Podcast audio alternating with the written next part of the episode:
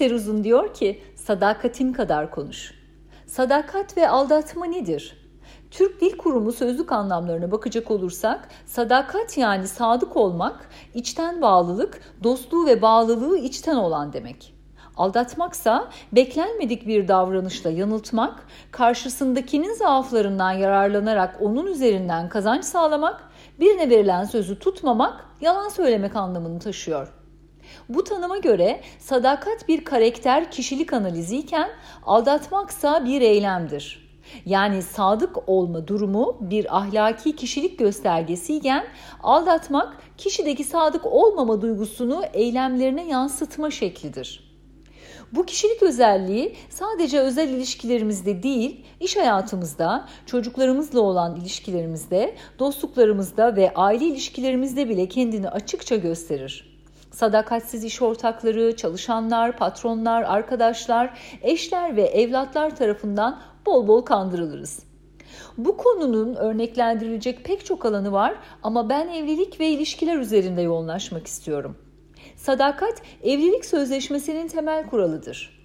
Evlilik tıpkı şirket evliliklerinde olduğu gibi sözleşmeden ibarettir. Ama bu konuya başka bir yazımda değineceğim. Ezoterik açıdan bakarsak da eskiler evlilik yüzüğüne Satürn halkası derlermiş. İnsanların evlenince yüzük taktıkları yüzük parmağı astrolojide güneşin kontrolü altındadır ve evlenince kişiler bu yüzük parmağı üstüne sınır ve sorumluluk bindiren Satürn halkasını takarlar. Çünkü güneş astrolojide kişinin iradesini temsil eder. Satürn ise sınırları ve sorumlulukları ifade eder.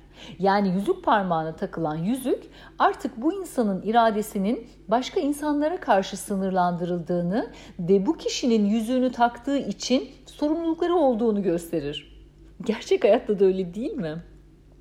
Peki neden ilişkilerimizi bu kadar kısıtlayıcı olan evlilik akdiyle yürütmek istiyoruz? Çünkü evlilik bir toplumda edinebileceğiniz en önemli statüdür. Kadınlar güvenlik ihtiyaçlarını karşılamak için, erkekler yalnız kalmamak için ve ortak amaç olarak da üremek için evlenirler. Tüm bunların yanında aşk, tutku, sevgi, sadakat, şehvet, iyi bir anne, iyi bir baba, zeki, entelektüellik, para, romantizm isteriz ve bunların hepsini bir kişiden almayı bekleriz eşimizden bizi sevmesini, hatta ölene kadar aşık olmasını, güven vermesini, bolluk ve bereket içinde yaşatmasını, cinsel anlamda haz vermesini bekleriz. Eşimin coşkulu bir ruhu var, hiç sıkılmıyorum ama hiç güvenmiyorum da, gözü sürekli dışarıda. Ya da eşim çok iyi, sadık ve güvenilir biri ama çok sıkıcı söylemlerinizi duyar gibiyim.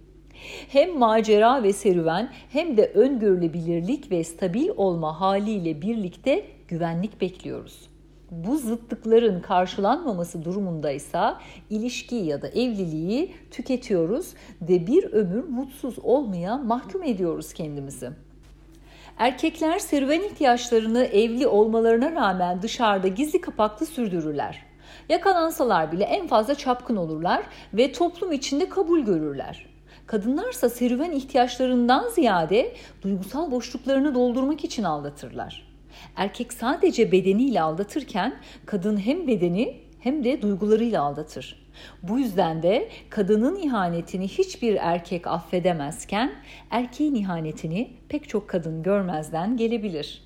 Aslında kimse kimseye sadık değildir. Herkes size olan ihtiyaçlarına sadıktır. İhtiyaçlar değiştiğinde sadakatler de değişir. Kiminin önüne fırsat çıkar ve değerlendirir. Kimi bu fırsatı ahlaki sorumlulukları dahilinde değerlendirmez ama aklı kalır. Kimi ise önüne çıkan fırsatı fark etmez bile. Çünkü gerçekten arzuladığı kişinin yanındadır ve bu yüzden de gözü kapalıdır. Yani sadıktır. Önemli olan partnerinizin sizi ihanet etme eylemiyle aldatması değildir. Önemli olan sana ihanet etme fırsatı varken seni aldatmamayı seçmesi de değildir. Önemli olan sana ihanet etme fikrinin aklına bile gelmemesidir. Akıllı ve mantıklı bir evlilik ilişkisinin içinde ihanet etmemeyi seçmek kimseyi sadık yapmaz. Aşık olma veya çok sevme hali de sadakat getirmez. Sadece arzu, tutku ve şehvet sadakat getirir.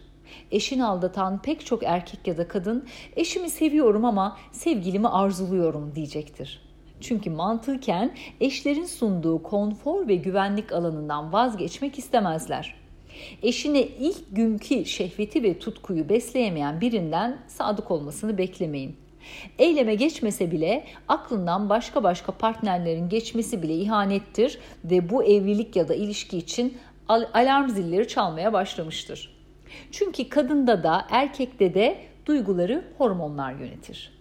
Beyninizi kandırabilirsiniz ama hormonlarınızı kandıramazsınız. Hormonlarınızı resmi nikahlı eşiniz düzenleyemiyorsa ya hormonlarınızı bastıracaksınız ya da parmağınızdan o Satürn halkasını çıkaracaksınız. O Satürn halkası parmağınızda olduğu sürece sorumluluklarınız ve kısıtlanmışlıklarınız var demektir. O halkayı parmağınıza takmaya devam ettiğiniz sürece bu sorumlulukları yerine getirmek zorundasınız. Eğer bunu artık yapamıyorsanız kimseyi kandırmadan ve incitmeden o halkadan ve yüklediği sorumluluklardan vazgeçebilirsiniz. Kimse kimseye ölene kadar aynı yastığı paylaşmak zorunda değil. Zaman içinde hormonlar değişince fikirler ve duygular da değişir. Ama özünüzden gelen içtenlik, dürüstlük ve samimiyet aynıdır. Kendine ve kararlarına sadık olamayan kimseye sadık olamaz. Sizi gerçekten arzulayan hiçbir zaman, hiçbir koşulda terk etmeyecek ve aldatmayacaktır.